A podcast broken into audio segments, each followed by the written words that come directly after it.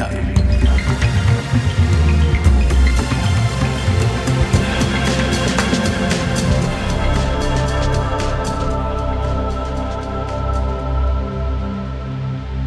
Poslušalke in poslušalci, lepo pozdravljeni. Tokrat so v studiu zdravnica in trije zdravniki, vsi so strokovnjaki, zdravniki specialisti različnih področji, upeti so vsakodnevno skrb za pacijente, hkrati so tudi predavatelji in mentori študentom ter mladim zdravnikom, so vodje raziskovalnih timov. Prav vsi bi si o bolezni ali poškodbi želeli, da bi bili zaupani prav njim. Družinska zdravnica, dr. Nena Kopčavar Gučak iz zdravstvenega doma Ljubljana. Dobr dan. Dobr dan, lepo pozdravljeni. Kirurg, traumatolog Matej Cimerman, pozdravljeni. Pozdravljeni. Kardiolog, specialist vaskularne medicine in intenzivne medicine, dr. Marko Noč. Pozdravljeni. Oba sta iz Ljubljanskega kliničnega centra in še transfuziolog, dr. Primoš Rožman iz Zavoda za transfuzijsko medicino. Dobrodošli. Dobro dan, hvala. Spoštovani gosti, odpiram debato o zdravju, medicini, tudi o zdravstvenem sistemu. Slovenci smo bili vedno ponosni na dosežke naše medicine. Veljalo je, da smo v Sloveniji, ko prestopimo prak zdravstvenih ustanov, v dobrih rokah, da smo deležni najboljšega zdravljenja, da tako rekoč ni bolezni, ki je naši zdravniki ne bi znali zdraviti, da nik posega, ki bi ga naši zdravniki ne znali opraviti. Veljalo je, da če nič drugega, je pa prav medicina tisto področje, kjer ohranjamo stik z najbolj razvitimi državami. Celo več, da so in ste na nekaterih področjih naše zdravnice in zdravniki med vodilnimi na svetu. Doktorica Nena Kopčavar Gučak, kot družinska zdravnica, ali še lahko govorimo o uspehih slovenske medicine v trenutku, ko pa se nam zdravstveni sistem ruši na različnih področjih vsak dan bolj? E, to je zelo zanimivo vprašanje in resnično morda pomaga, da v teh ne najbolj naklonjenih časih skušamo razmišljati pozitivno in to pristno in iskreno pozitivno. Uh, jaz sem, ko sem dobila vabilo za vašo oddajo, se mal zamislila in tudi mal kolege povprašala, kaj bi bilo takega, uh, kar mi vidimo kot morda izstopajoče, kar se tiče družinske medicine, bi jaz govorila na evropskem ali pa svetovnem področju in kar bi našim, kar bo našim pacijentom prineslo dob kaj dobrega. Uh, mogoče bi omenila, spomnila na uh, projekt ambulant, ki jim rečemo, Eh, referenčne ambulante. Ta projekt je bil uveden pred več kot desetimi leti. Zakaj o tem govorim? Ker to je bila svetovna inovacija. To je bila kompletno slovenska ideja, da se izvajajo preventivni pregledi za tiste, ki še niso zboleli na 30 letom in da za tiste, ki se že zdravijo zaradi kroničnih bolezni, organiziramo vsakoletne preglede. Iskreno in pošteno, v zadnjih dveh letih je to precej zastalo, zaradi tega, ker so sestre bile premeščene na mesta, kjer so bili vzeti brisi za COVID, ker smo vzpostavili cepilne centre in je ministrstvo začasno te preventivne aktivnosti ustavilo. To je en projekt, ki je vzbudil izjemno zanimanje in je kolegica dr. Tonka Poplasusič, ki je inovatorica in se spomnila tega projekta, dobila nagrado Evropska zdravnica leta prav za ta projekt. Druga stvar, ki je tudi morda zanimiva za pacijente, je nekaj čisto novega. To je tako zvani obposteljni ultrazvok, ki ga zdaj s 1. januarjem 2023 uh, uvajamo tudi v program specializacije družinske medicine. Kaj je to obposteljni ultrazvok? To je ultrazvok, ki daje osnovne informacije in ki bo veščina družinskih zdravnikov. Prejeli smo donacijo farmacevtske tovarne Krka, na tem mestu se jim zahvaljujem za 50 ultrazvokov po celi Sloveniji, teh oposteljnih.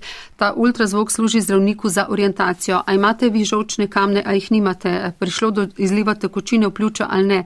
Ali je možno, da je tole slepič ali ne? Ponosni smo tudi na to, da je naš trenutni dekan medicinske fakultete eden od sedmih dekanov v celi Evropi, ki je specialist družinske medicine. Zdaj govorimo o izobraževanju zdravnikov in ne tisto, kar je neposredno dobrega za, za pacijente, pa vendar dobro izobraženi zdravniki so tisti, ki so eh, prijazni, kvalitetni in ustrezno kompetentni za obravnavo pacijentov in šest profesorjev družinske medicine na naši katedri v Ljubljani. Pa se bom kar navezal na vas, doktorica Kopčavar Gučak, doktor Cimerman. Ali ste še lahko taki zdravniki, kot si želite biti, kot vam tudi narekuje zdravniška prisega, in še posebej, kot si želimo bolniki, pacijenti, da ste? Mora se z vami strinjati, ne? Slovenska medicina, če gledaš dosežke, je še vedno vrhunska. Ampak vedeti morate, da se vrhunskost namir samo z najbolj briljantnimi posegi, ki jih naredimo za redke izbrance, ampak da se vrhunskost mir tudi tako, kako je oskrbljen navadno unetje slepiča. Kako pacijent, ko ga zaboli v trebuhu, kakšno pot ima, da pride do resne diagnostike, ki jim odkrije raka in da tega raka operiramo. Tukaj v Sloveniji, nažalost, ne moramo več govoriti o vrhunski medicini.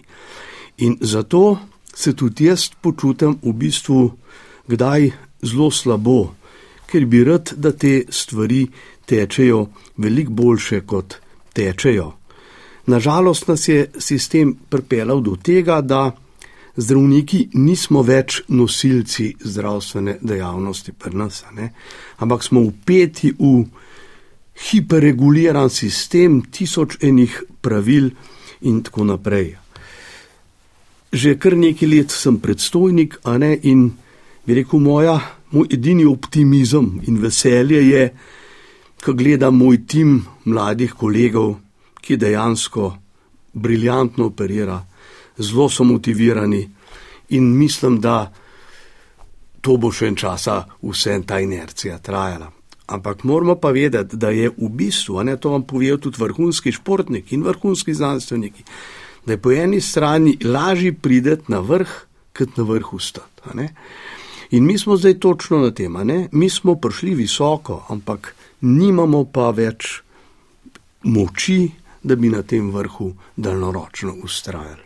In to seveda me tudi kot zdravnika, ki sem bil aktivno udeležen v tem razvoju, sem že starejši, seveda zelo prizadene. Pa vi, doktor Noč, kako vi vidite, na eni strani so težave, razpad, nezadovoljstvo, na drugi pa uspehi pri uvajanju novih diagnostičnih metod, metod zdravljanja, novih nenazadnje aparatur, so tudi ogromni napori zdravstvenega osebja. Kakšno je pa v tej luči stanje pri vas na vašem oddelku oziroma centru? No, jaz globalno mislim, da slovenska medicina je daleč od tega, da bi bila dobra. In da posamezni, eh, bom rekel, vrhunski dosežki v mednarodnem merilu seveda ne pomenijo to, kar je že rekel Matej, da bi imeli vrhunsko medicino. Te posamezni vrhunski dosežki so bolj bom rekel, rezultat entuzijazma in znanja posameznikov, ne pa tega, da bi jih sistem spodbujal.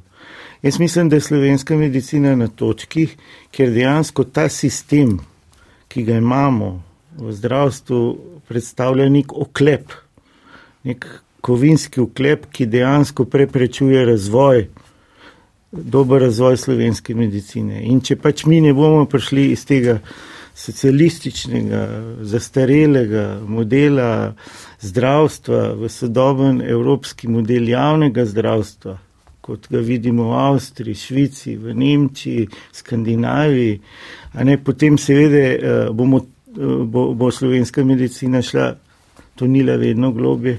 Vrhunskih dosežkov bo vedno manj, pri čemer pa seveda poudarjam, da vsak vrhunski dosežek, tudi tisti, ki ni Eh, politika veliko krat izrabi za to, da ljudem, eh, bom rekel, laže, da imamo vrhunsko medicino. Realnost je današnji IPP, današnja urgenca, realnost je stanje v uh, družinski medicini in to, kar je rekel Matej, vrhunskost medicine se meri po tem, kako je povprečni bolnik oskrbovan, ne ali dobiš res neko top vrhunsko storitev. To je dejansko tista, rekel, okrasek na sorti, ki definira uh, vrhunskost medicine, ne pa seveda uh, ostalo, kar se dogaja.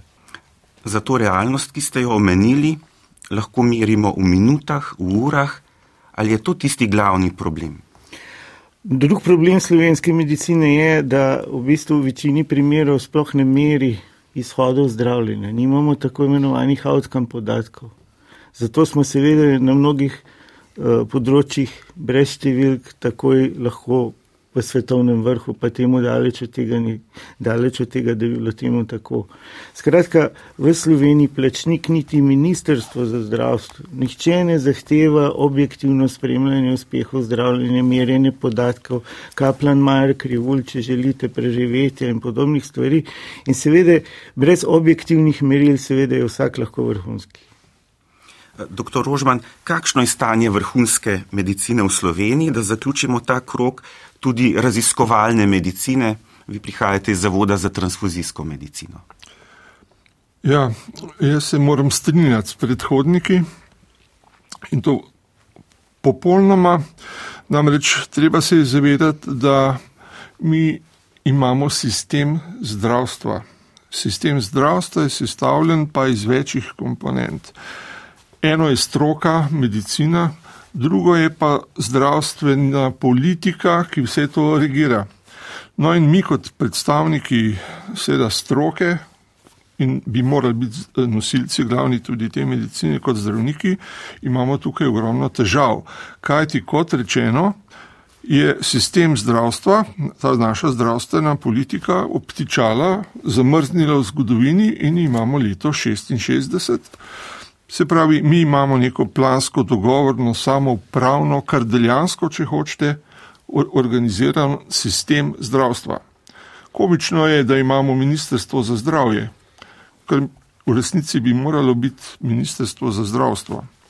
Torej, eh, zakaj je to tako, boste morali vprašati kakšne analitične eh, zgodovinarje in tako dalje, sociologe ali pa kolege na FDV-ju, recimo, to bojo znali dobro analizirati, zakaj do tega ni prišlo. Leta 1991 smo se pa odločili za drug način. Eh, Stopili smo v družbo evropskih držav z nekim kapitalističnim eh, sistemom eh, v vseh panogah, razen v zdravstvu in šolstvu tudi, no? ampak danes govorimo o zdravstvu. In Od takrat naprej se ni spremenilo praktično nič. Zakonodaja je ista. Zakon, eh, zakon, zakon o zdravstveni dejavnosti se ni praktično nič spremenil vsebinsko. Ravno tako ne zakoni o javnih zavodih se niso spremenili. Mi imamo v bistvu državno zdravstvo in nimamo javnega zdravstva. In to nihče noče povedati volilcem, pacijentom in vsem ostalim deležnikom. To je sistemska laž z drugo, z drugo besedo. In druga sistemska laž je, da so zdravniki krivi za slabo organizacijo zdravstva. Mi smo ravno toliko krivi za slabo organizacijo zdravstva, kot so šoferji avtobusov krivi za slab promet po Sloveniji, za slabe ceste. Zdravnik je samo eno od udeležencev in nima moči vplivati. Povrh vsega so nam jo pa še vzeli. Se pravi, Bojim se, da so krivci zelo poznani vsem nam in počasi bo treba tudi imenovati, jaz mislim, in zastaviti. Možno je, da se bo v prihodnosti izboljšalo, za moje predpogoj ena celovita reforma in nekdo, korajžen se jo bo moral lotiti. Sicer bo naše zdravstvo še tunilo naprej in ne vem, kje je dno. Dno je morda v Severni Koreji, na Kubi, Venezueli, čutijo se že neki obrisi tega dna in v taki situaciji obljubljati ljudem, da bojo čakalne vrste 30 dni, pa tako naprej, je neodgovorno in je to za moje pojme, sploh se ne znam izraziti, kako bi to imenoval, taka metanje peska v oči. Doktorica Kopčavar Gučak. Ja, eh, hvala Primož za tole tvoje razmišljanje. Ne bi se mogla bolj strinjati niti s svojimi kolegi, niti s teboj. Eh, resnično. Uh, samo uh, rada bi še dodala mogoče na no, svoje razmišljanje, da je velik problem pri slovenskem zdravstvu to, da odločevalci niso tisti, ki so v stroki ali pa da niso povezani s stroko ali pa da se stroko ne konzultirajo in da držijo vajeti, tako kot je bilo že rečeno, plačniki. Zdravstvena zavarovalnica ima kot pravzaprav nestrokovna ustanova ogromno, ogromen vpliv na odločitve, na način dela, na normative za delo. Tako da dokler bo tako, da odločevalci niso povezani s stroko, rezultat ne more biti drugačen. pisanje smernic in navodil brez konzultacije, ali je to sploh izvedljivo, eh, so popolnoma nesmiselne in nepoznavanje dejanske problematike zaradi nepovezanosti odločevalcev in stroke, mislim, da je eno od ključnih turišč. Doktor Noč, vi ste za časopis družina opozorili, da prave reforme pravzaprav še sploh ni bilo. Absolutno je ni bilo. Jaz vidim osnoven problem v tem, kar je že dr. Ožman povedal, ne? definicija javnega zdravstva. Eh, javno zdravstvo je definirano s plačnikom, plačnik je pri nas zavarovalnica, kamor vsi dajemo denar. Drugo so pa izvajalci znotraj javnega zdravstva. Izvajalci so pa bodi si državni zavodi ali zasebniki in seveda morajo biti enakovredni in jaz mislim, da tukaj neka kompeticija seveda samo koristna po drugi strani mislim, da gre v bistvu za komplementarnost preko kompeticijo in seveda nalogo države vidim predvsem regulatorno, da določa pogoje, kdo lahko kaj dela, da nadzira kvaliteto preko strokovnih združenj agencij in seveda, da za čim boljšo kvaliteto, da, da, čim boljšo kvaliteto dobi po najnižji ceni in je pa lahko izvajalec zasebnik ali pa državni zavod. Sej bolnika ne briga, uh, komu gre, bolnika briga, da, da, da je pravočasno na vrsti in da dobi kvalitetno storitev, ki jo krije zavarovalnica, kamor prispeva denar. Samo to je bistveno za bolnika in to, po moje, je shod vsake reforme. Vsi govorijo, da je treba, treba bolnika v spredje postaviti, noben ga ne postavlja. Ne, če greste vi v trgovino, a vi se sprašujete, kdo je lastnik tiste trgovske verige, a se sprašujete, kaj boste kupili po najboljši ceni. Isto je pa pri zdravstvu. Čeprav, kako pa potem bi odgovorili na ta moj pomislek ali pa istočnico, da COVID je pa po svoje strnil zdravniške vrste v želji po čim boljši oskrbi, po čim boljšem obvladovanju epidemije, vseh situacij, ki so prihajale v zdravstvu, zaradi tega obdobja, ampak hkrati pa je prav COVID pokazal moč javnega zdravstvenega sistema. Ja, zaradi tega, ker tudi v bistvu mi nimamo privatnega zdravstvenega sistema eh, znotraj javnega sistema razvitega, koliko je pa splošnih bolnišnic zasebnih. Mi imamo posamezne specializirane bolnišnice, seveda, ker ne morejo breme COVID-a uh, nositi in seveda zato tudi zasebniki niso nosili tega bremena in nosili javno zdravstvo in v končni fazi je to javni interes, vsi plačujemo za to. Doktor Cimerman. No, apropo, ker je rekel Primoš, ne, da so obljubljali 30 dni. Že ta obljuba, že 30 dni je absurdnih. Ne. Vsak mora do zdravnika prideti takoj. Zdravnik pa potem ugotovi naprej, a je nujno ali ni nujno. A veste, nujnost se mir, jaz sem traumatolog ne, in vam to z prve roke povem. Nujno se mir lahko v sekundah ali pa v letih. So operacije, če tisto sekundo ne boš ustavil krvavitve, pa pacijent umrl. So pa recimo operacije, če imaš zvit pavček na nogi, seveda ni prijetno, predvsem gospeto zlomoti, ker ne morajo lepih čevlo nositi. Ampak tudi, če čaka dve let, se njeno zdravstveno stanje bistveno ne bo poslabšalo. Zato ta obljuba 30 dni do zdravnika je za mene, oprostite, kot zdravnika absurdna. Ker če ti čakaš 30 dni do zdravnika, pa imaš en hitro raztoči rak in potem od tega zdravnika čakaš še to na magnetno resonanco, še to do operacije, jasno, da operacije ne boš doživel. Ne? In to je v bistvu ta, bi rekel, blasfemija našega sistema, ko obljublja stvari, ki so v bistvu v našem setupu popolnoma neuresničljive. Doktorica Kopšavar, ja, se strinjam, ta, ampak to je že leta, ne vem, lahko bi pogledali kakšne intervjuje ali pa članke za deset let za nazaj. Uh, res, um, to neskladje med obljubami in možnostmi. Eh, to tudi nas najbolj tare, zagotovo bi vsakdo od nas rad imel zlato ribico in bi jo najprej prosil za več časa za svoje bolnike, definitivno se smo se za svoj študij odločili zaradi bolnikov in tudi zaradi njih smo vsak dan v ambulanti, ampak tako kot pravi uh, eh, dr. Cimerman, zdaj bo v ospredju res še bolj ta triažni sistem v zdravstvu, kjer vsakdo mora biti razvrščen, kadar dežuramo na urgencah, je ta sistem zelo transparenten in definiran. No, pri vstop v zdravstveni sistem, pa triažni sistem pravzaprav res opredeli te čakalne dobe. Čisto vsaka stvar res ni nujna. Nekateri pacijenti tudi sami rečejo, tale gležen mi že njih šest mesecev nagaja, a se to stopnjuje. Ne, ampak vse čas je enako, zboljša se pa tudi ne uh, vizavi nekoga, ne vem, ki je pravkar izbruhal kri. Um, je ta triaža zelo, zelo bistvena in uh, strpnost in razumevanje strani pacijentov, zakaj ta gospa gre naprej in zakaj jaz moram počakati. To pač moramo nekako vsi razumeti in zaupati sistemu, da bo prepoznal te nujne pacijente. Triažni sistem bo tudi zelo udejanjen v teh ambulantah, ki jih po novem letu um, organiziramo vsaj v okviru zdravstvenega doma, kjer sem jaz v službi zdravstvenega doma Ljubljane, ki bodo namenjene ljudem, ki nimajo osebnega izbranega zdravnika in uh, bo tukaj pač pristop pacijentov omogočen, potem pa res triaža, da se bo videlo, komu je treba dati prednost, ker teh pacijentov je deset tisoč in več samo v Ljubljani.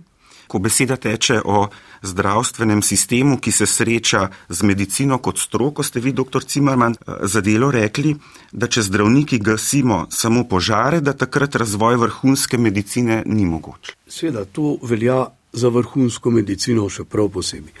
Delam v kliničnem centru, ki se imenuje Univerzitetni klinični center in seveda naše delo ni samo sprotna operativa in sprotna oskrba akutnih pacijentov, ki hodijo k nam, ampak je tudi učenje in sicer od študentskega nivoja, tudi celo srednje zdravstveno šolo učimo, kup visokih šol, do specializacij, do vzgoja akademskih kadrov, magisterije in doktorate. In to recimo so angliži izračunali, da za osnovno edukacijo samo specializantov kirurške učne bolnišnice potrebujejo 30% več, post, več operacijskih zmogljivosti. Zakaj? Če ti specializanta učiš, operacija poteka bistveno počasneje, kot je jo naredi hiter rutinski kirurg. In zato je popolnoma nemogoče, da mi trenutno v kliničnem centru omogočamo specializantom, da bi naredili pod nadzorom zahtevano število operacij. Ker če bi to začeli delati, sploh ne moramo pooperirati pacijentov, bi nam začeli, bom drastično rekel, umirati. Ravno tako je potreben čas pa mir za resne raziskovalne projekte to doktor Noč je najboljši, ki je vrhunski raziskovalec, mi mu rečemo naš težko kategornik. Ampak on bo to sigurno potrdil. V enem obsednem stanju, v enem krču, ko mi delujemo, sam da pospravimo tiste, ki prišlo po noč, da načakajo preveč, da jih nekako dostojno času v redu pooperiramo, seveda zelo težko govorimo v enem miru pa zbranosti, ki je potrebno, da resen raziskovalni projekt vodimo. Tako jaz pač to vidim. Ne. Doktor Noč, vi prikimavate. Ja, kar se raziskovalnega dela tiče, osnova je, da imaš tako imenovan dedicated time, to se pravi čas, ki je posvečen samo temu, to se pravi, ko imaš ti en določen teden, ki je raziskovalni teden, to ne pomeni, da te 15 čez 8 kličejo na urgenco in da potem ti cel dan gre.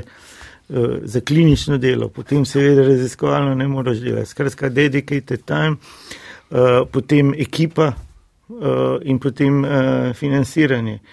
Zdaj, klinični center nažalost nič od tega nima in je v bistvu raziskovalno delo, je plot entuzijazma posameznikov, to, da te pač veseli.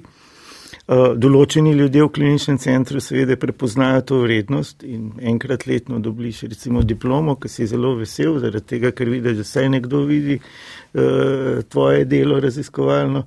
Ampak tu se pa potem neha in seveda ni, bom rekel, nekega urada, ker bi nesel podatke in bi ti statistično obdelali to, kot je recimo tujini, uh, kaj se ni nekega blok sistema, uh, da bi rekel na en ta mesec ali pa te 14 dni moj raziskovalni čas, uh, bom s tem in tem to delal in podobno. In seveda, ker se financiranja tiče, jaz sem šel skozi pač neko kalvarijo. Uh, skozi Ars, ne, ker sem do dobro spoznal, kako to poteka in koliko je povsem nebistveno, koliko si ti znanstveno uspešen v mednarodnem merilu, ampak odločajo žal čez neke druge stvari, ki so mi še vedno enigma. Raziskovalno delo in financiranje, to sta istočnici za vas, dr. Rožman. Ja, v, medicina kot stroka ima uh, seveda, čeprav si zelo želimo, da bi bila vrhunska pri nas, približno tudi, da bi zmagali na svetovnem prvenstvu v nogometu, recimo, ampak brez uh, vlaganja v to ne gre. In na, tem, na tej strani, prav na strokovni strani, imamo vrsto problemov, tako na, uh, v smislu fakultete, medicinske fakultete, uh, se pravi akademskih uh, teh stopenj, doktorati, se pravi raziskav in razvoja in seveda tudi v, na nivoju specializacij. Če bi hoteli imeti vrhunsko medicino, bi morale biti te, ta področja tudi vrhunska. Nažalost pa ni ti eno, ni. Naša fakulteta je ne vem, na katerem mestu na svetu, univerza, če se prav ne motim, eh, če se je tam okrog 500 tega, 600 tega mesta in kako boš tukaj eh, vzgojil Ronalde in podobne ni variante. Nimamo uh, zagotovljenih, recimo, sabatiklov tudi za profesorje. Na fakulteti za medicino je 400 profesorjev, ki vzdržujejo visok nivo, ki nimajo niti dinarja oziroma danes evra plače. Jaz sem en od njih, ki 30 let delam za ston. Upam, da ne tudi za manj. In tako dalje. Nimamo ustreznih prostorov za trening, nimamo predavalnic, nimamo vajalnic in tako dalje neprimerljivo z neko vrhunsko državo, z vrhunsko medicino, recimo Holandijo. Ravno tako razvoj in raziskave. Poglejte si indekse. Um, raziskovalne dejavnosti so objavljeni, jaz jih tudi pošiljam okrog, nihče niti ne omeni. Po indeksu inovativnosti je Slovenija, če se ne motim, nekje na predzadnjem mestu v Evropi po številu patentov je kar na zadnjem, mislim, da je Moldavija še mogoče slabša, pa Cipr in tako dalje in tako dalje. Da ne govorimo o financiranju, podobno je tudi z splošnim stanjem, bi rekel, do zdravnikov, ki je po mojem, torej, kot opazujem zadnjih 30 let, je postala ena od teh bazičnih javnih uh, laži to, da so zdravniki krivi za slabo stanje v zdravstvu. Iz tega je prišla, prišlo do demonizacije tega poklica, ki je izgubil ogromno ugleda, mladi zdravniki poklice feminizira, zdravniki bežijo v druge poklice, rezultat je pa še poslabšanje zdravstvene situacije in tudi to uh, ima svoje vzroke. Jaz mislim, da je glavni vzrok teh napak ponovno politika, političen vzrok. Politika ni želela sprememb.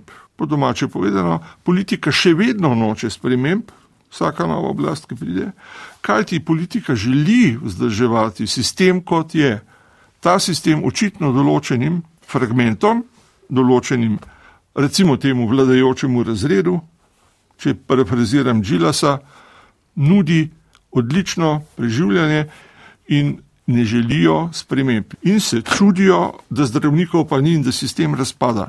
In potem se išče dežurne krivce. Včasih so v modi zdravniki, včasih so v modi kakšni drugi poklici, ki so krivi. Te isti, ki to zagotavljajo eh, kontinuiteto, se pa grejo operirati v Švico in v Grac in ne dokaj v Cimermanu, v čakalno vrsto.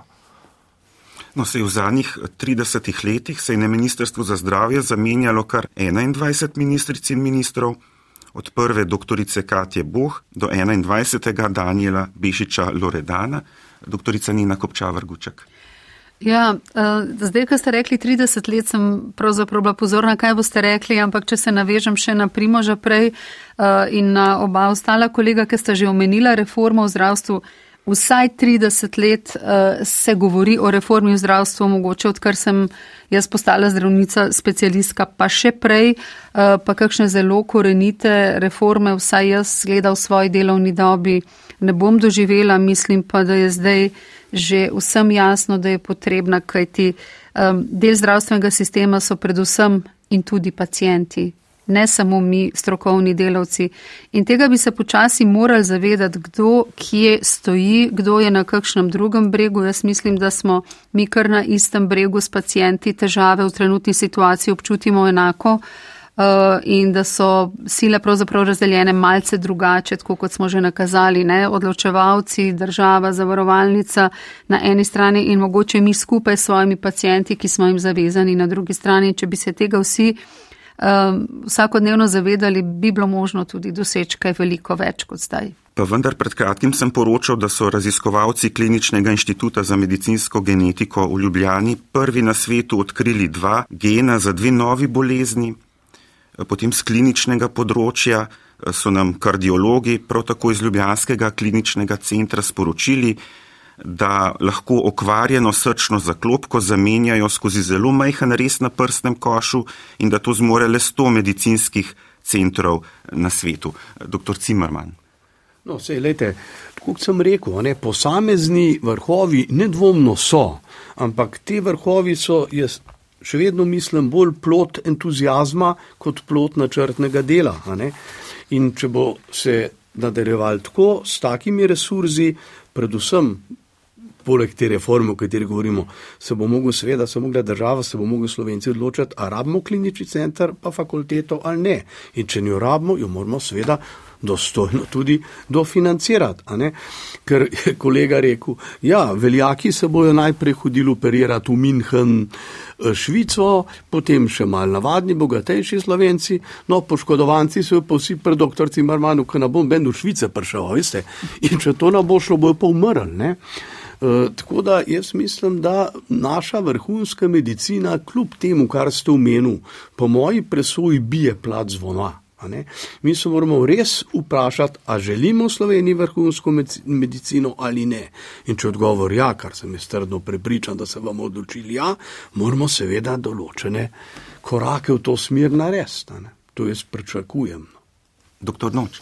No, jaz mislim, da, da preden eh, mediji proglasijo nekaj za nekaj, da je res vrhunskega, ne, da, pot, da, da ta zadeva potrebuje mednarodno validacijo, a ne peer review. In to je pa sigurno objava v enem časopisu, v eni reviji, ki pač eh, je splošno dosegljiva preko PubMeda. In šele potem se mi zdi, je pravi čas, da se pokliče medije in poroča o, bom rekel, strokovnosti tega dosežka. Uh, to se nisem spomnil jaz sam to so mi rekli ljudje po tujini, uh, ko nekaj narediš, naredi serijo desetih, publicire in potem uh, pokliči medije, ne pa obratno, včasih še preden je bolnik iz bolnišnice odpuščen. Uh, so že seveda novice po vseh medijih. Tako da mislim, da je tle treba kritičnost, ker le mednarodni, bom rekel, peer review nekako opredeli uh, je ta dosežek res vrhunski, prvi na svetu, drugi na svetu, uh, pomemben. Uh, skratka, to, to je ključno in tega recimo pri nas v Sloveniji blazno manjka. Zdaj mi je prišel na, na kak na misel Zika virus, ne, ki so ga tudi slovenski no. mikrobiologi izolirali, doživel svetovno publikacijo, priznanje in to je res nekaj takega, kar, na kar smo lahko ponosni. Res, da so to časi bili pred COVID-om, vendar slovensko zdravstvo ne sega nazaj samo do COVID-a, ampak še veliko dlje. No, ampak Zika virus je živ primer, kako se stvari pravilno dela. Vse veste, smo pa tudi mediji včasih zelo neočakani, sploh če gre za dobro novico. Ja, sej jaz ne krivim medije, jaz mislim, da je na strani tistega, ki je nekaj naredil, da objektivno predstavi stvari. Doktor Rožman, morda nam vse težave meglijo pogled ali pa tudi ne. Vi govorite, vsi sogovorniki in sogovornica o reformi, v katero smer pa bi morala iti ta reforma, kje vi vidite rešitve ali pa posamezno rešitev za določeno področje. Ja, prva stvar, ki jo želim omeniti, je ta, da se moramo zavedati, da kljub temu socialističnemu zdravstvu, ki smo ga imeli, smo imeli neke določene prednosti eh, v našem sistemu in so eh, bili ljudje kar dolgo časa tudi zelo dobro skrbljeni in zadovoljni s tem zdravstvom. Zasluga gre seveda dvema faktorjema. Prvi faktor je to, da smo imeli ali pa smo mislili, da imamo javno zdravstvo. Javno zdravstvo je uh, nič novega, ni, ni to samo pri nas. Vse te države zahodne imajo javno zdravstvo po, urejeno po Bismarckovem principu zdravstvo za vse. In nihče noče tega v Sloveniji ukinti. Torej, vsi želimo javno zdravstvo, ki je dostopno vsakomur, tudi tistemu, ki, ne, ki ga ne zmore plačati. In to javno zdravstvo lahko izvaja kdorkoli zna, ve in zmore. In na vseh teh državah, ki sem jih prej omenil, zahodnih, so to bodi si mesta, mestne skupnosti, eh, firme, močne firme, Toyota, recimo bolnice, potem so to univerzitetne ustanove, Cambridge in Oxford sta privatni inštituciji, lahko je pa to tudi last zavarovalnic. Ali pa recimo tudi države, tudi države imajo eh, državno lastnino in to je vse javno zdravstvo. In to bo treba narediti tak zakon in prepisati enostavno, upam, da smo toliko pismeni, da znamo prepisati organizacijo zdravstva iz ene danske ali pa iz ene norveške. Upam, da ne bodo našli birokratskih uvir, uh, da se to ne da narediti. To se da narediti. Uh, ampak hotel sem povedati še to. Dobra stvar pri nas, za moje pojme, iz mojega vidika, je bila organizacija zdravstvenih domov, ki jih druge, druge niso imeli. To se lahko zahvalimo pred stotimi leti uh, Andriju Štamparju, ki je izumil ta način oskrbe bolnikov, ki ga ponekod v Ameriki šele zdaj uvajajo, ko se zdravniki združijo in naredijo tako nekaj podobnega zdravstvenemu domu. Ta zdravstveni dom tukaj pri nas propada. Propada zato, ker so zdravniki preobremenjeni in jih sploh ni več. To je treba pojačati, vsekakor pri nas. Ne? Torej, Zakonodajalec, ki bo izpeljal to reformo, bo gotovo nagrajen strani eh, pacijentov, to sem pripričan, pa tudi s strani vseh izvajalcev zdravstvene dejavnosti, tako zdravnikov, sester in drugih delavcev v zdravstvu, predvsem pa seveda od, bolnik, od bolnikov. Doktorica Nina Kopčavar. Ja, če lahko pravzaprav kot eh, mentorica in učiteljica, ampak posodim glas mladim zdravnikom, Eh, kaj njih moti v slovenskem zdravstvenem sistemu, recimo, kje lahko kaj še izboljšamo. Eh, mislim, da vsi štiri, ki sedimo tule in smo se tudi že prej v čakalnici malo pogovarjali, eh, smo mnenja, da je izobrazba slovenskih, pa recimo najprej študentov medicine, potem tudi specialistov na taki ravni, da se recimo temu, tako da bo profesor Noč zadovoljen, da se v tujini dobro plasirajo in dobro znajdejo. Poglejmo od nazaj, ne, um, ne da mi to mislimo, ampak dejansko dosegajo lepe uspehe v tujini, so dobro sprejeti, so dobrodošli in tako naprej. To se pravi, izobrazba najbrž ni problem, da imamo slabe fakultete, slabe programe specializacij, slabo mentorstvo, ampak razmere na delovnem mestu. Govorim z glasom svojih mladih zdravnikov, razmere na delovnem mestu so tiste, ki jih um, utrujajo, ki jih. Uh, izgorijo, zažgejo in izgorijo, da tako rečem, ki jih na koncu zlomijo in tako zgubljamo zdravnike.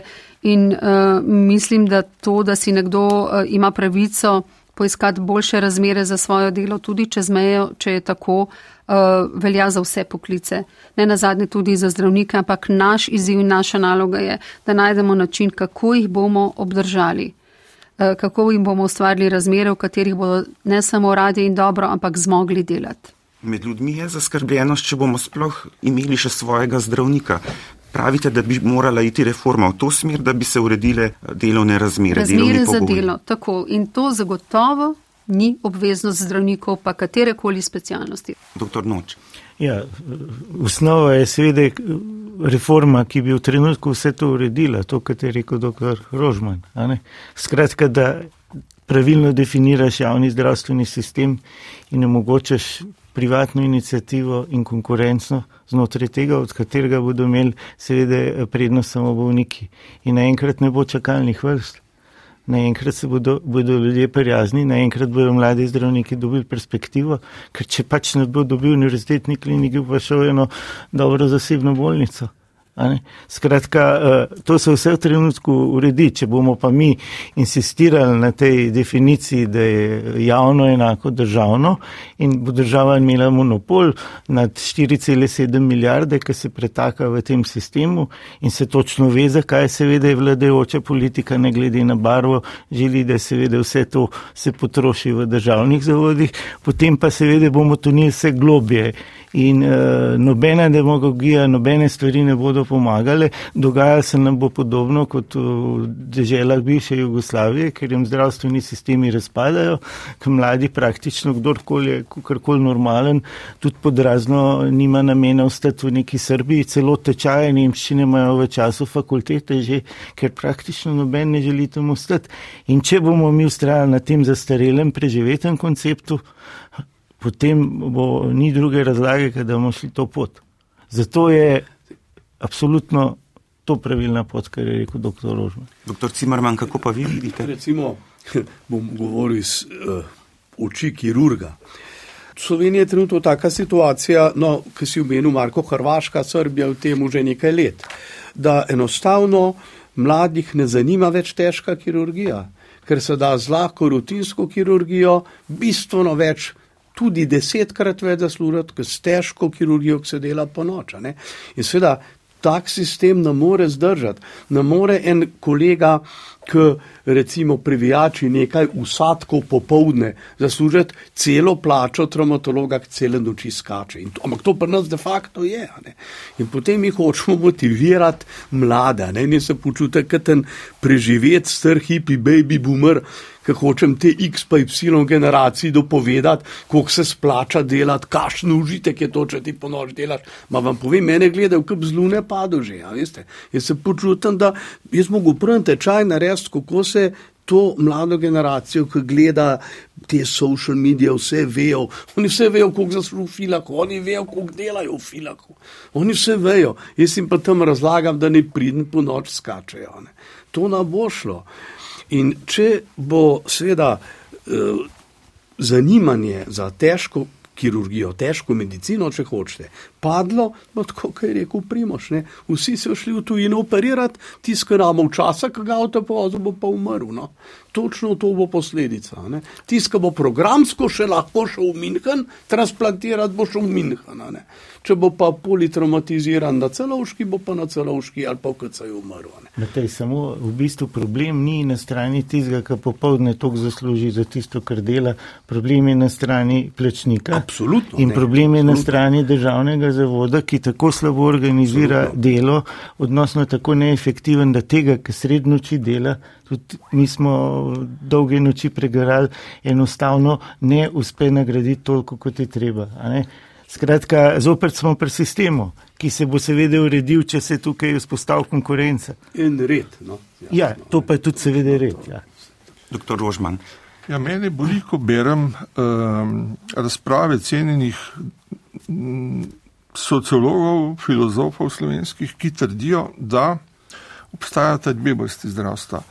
Eno javno zdravstvo, ki je državno, in to zdravstvo drugo, ki je profitersko uh, in dela profite in tako dalje. To pa ne bi bilo privatno zdravstvo. To sploh ni vprašanje, to je navadna, čista demagogija ali pa neznanje. Ne vem, ne znam oceniti. Kaj ti med to kampanjo demagoško se dogaja v Sloveniji ravno to, da se rojeva privatna medicina, ki je nočemo. In to privatno medicino odpirajo nove bolnice, v glavnem zavarovalnice, ki se ne ozirajo na te mnenja, pač pa hočejo zaslužiti in bo hočeš, nočeš spontano prišlo pri nas do zdravstva javnega, do konkurence zavarovalnic. Tako da jaz mislim, če zdržimo še kakšnih 30 let v tem sistemu in ne umremo, bo spontano prišlo do ozdravitve tega sistema. Pa čeprav ne bomo spremenjali zakonov in čeprav ne bomo upeljali reforme. Mislim pa, da bi bilo cenejše, hitrejše, pametnejše in smotrnejše in bolj racionalno stopiti skupaj s Slovenci, narediti zdravstveno reformo in se pri tem lahko zgledujemo po neki sodobni evropski državi. Predlagam skandinavske države. Spoštovani gostje, doktorica Nina Kopčavar Gučak, dr. Matej Cimerman, dr. Marko Noč dr. Primoš Rožman. Zaključimo s tistim znanim. Zdravi imamo tisoč želja, bolni pa le eno. Zaključna beseda je vaša, dragi sogovorniki in sogovornica. Pri vas začenjamo, eh, dr. Rožman. Jaz sem optimist. Eh, menim, da bo Slovenija preživela, bo pa v naslednjih nekaj letih predvsej težav za zdravjem našim vsem in za zdravstvom. ampak še vedno se je tako izkazalo na koncu, da te, v naših teh lepih krajih so Slovenci preživeli in bodo tudi tokrat, jaz mislim, želim vsem srečno novo leto in čim več zdravja. Doktor Cimerman. Mogoče malo težav uh, s tem, da bi rekel, da sem optimist, čeprav sem zdaj le, primoš tako lepo rekel, še enkrat to razmislil. Jaz sem tudi optimist in se bom trudil po vseh močeh, da se bo stvari začele končen obračati na bolje, da ne bomo v 50 let starem kliničnem centru delali še naslednjih 250 let. Hkrati pa seveda, ker zaključujemo, želim vsem mirne božične praznike in srečno novo leto. Hvala, doktor Noč. Jaz si pa želim, da bi nas mogoče vladajoča politika, zlasti minister za zdravje, poslušal in da bi v letu 23 vsaj del tega realiziral, kar je bilo danes rečeno. In še vi, doktorica Kopčava Rguček. Ja, zdaj jaz sigurno bom obrala bolj žensko noto, ker danes mi je dano biti edina ženska v tem omizju. Predstavljam vse slovenske zdravnice in mislim, da uh, je ženska tista, ki stvari zelo koordinira in drži skupaj. Zato bi še enkrat ponovila, da smo zdravstveni sistem pravzaprav vsi, zdravstveni delavci in pacijenti in če imamo vsi enake želje, podobne želje, enaka pričakovanja, če si vsi želimo boljšo zdravstveno oskrbo v boljših razmerah, nas je tukaj dva milijona vseh skupaj in ni vrak, če lahko kaj dosežemo v novem letu. Uh, vsem poslušalcem in tudi vam, gospod Konc, želim predvsem veliko zdravja, razumevanje, topline in vsega lepega v novem letu in lepe praznike. Hvala lepa, vsem srečno.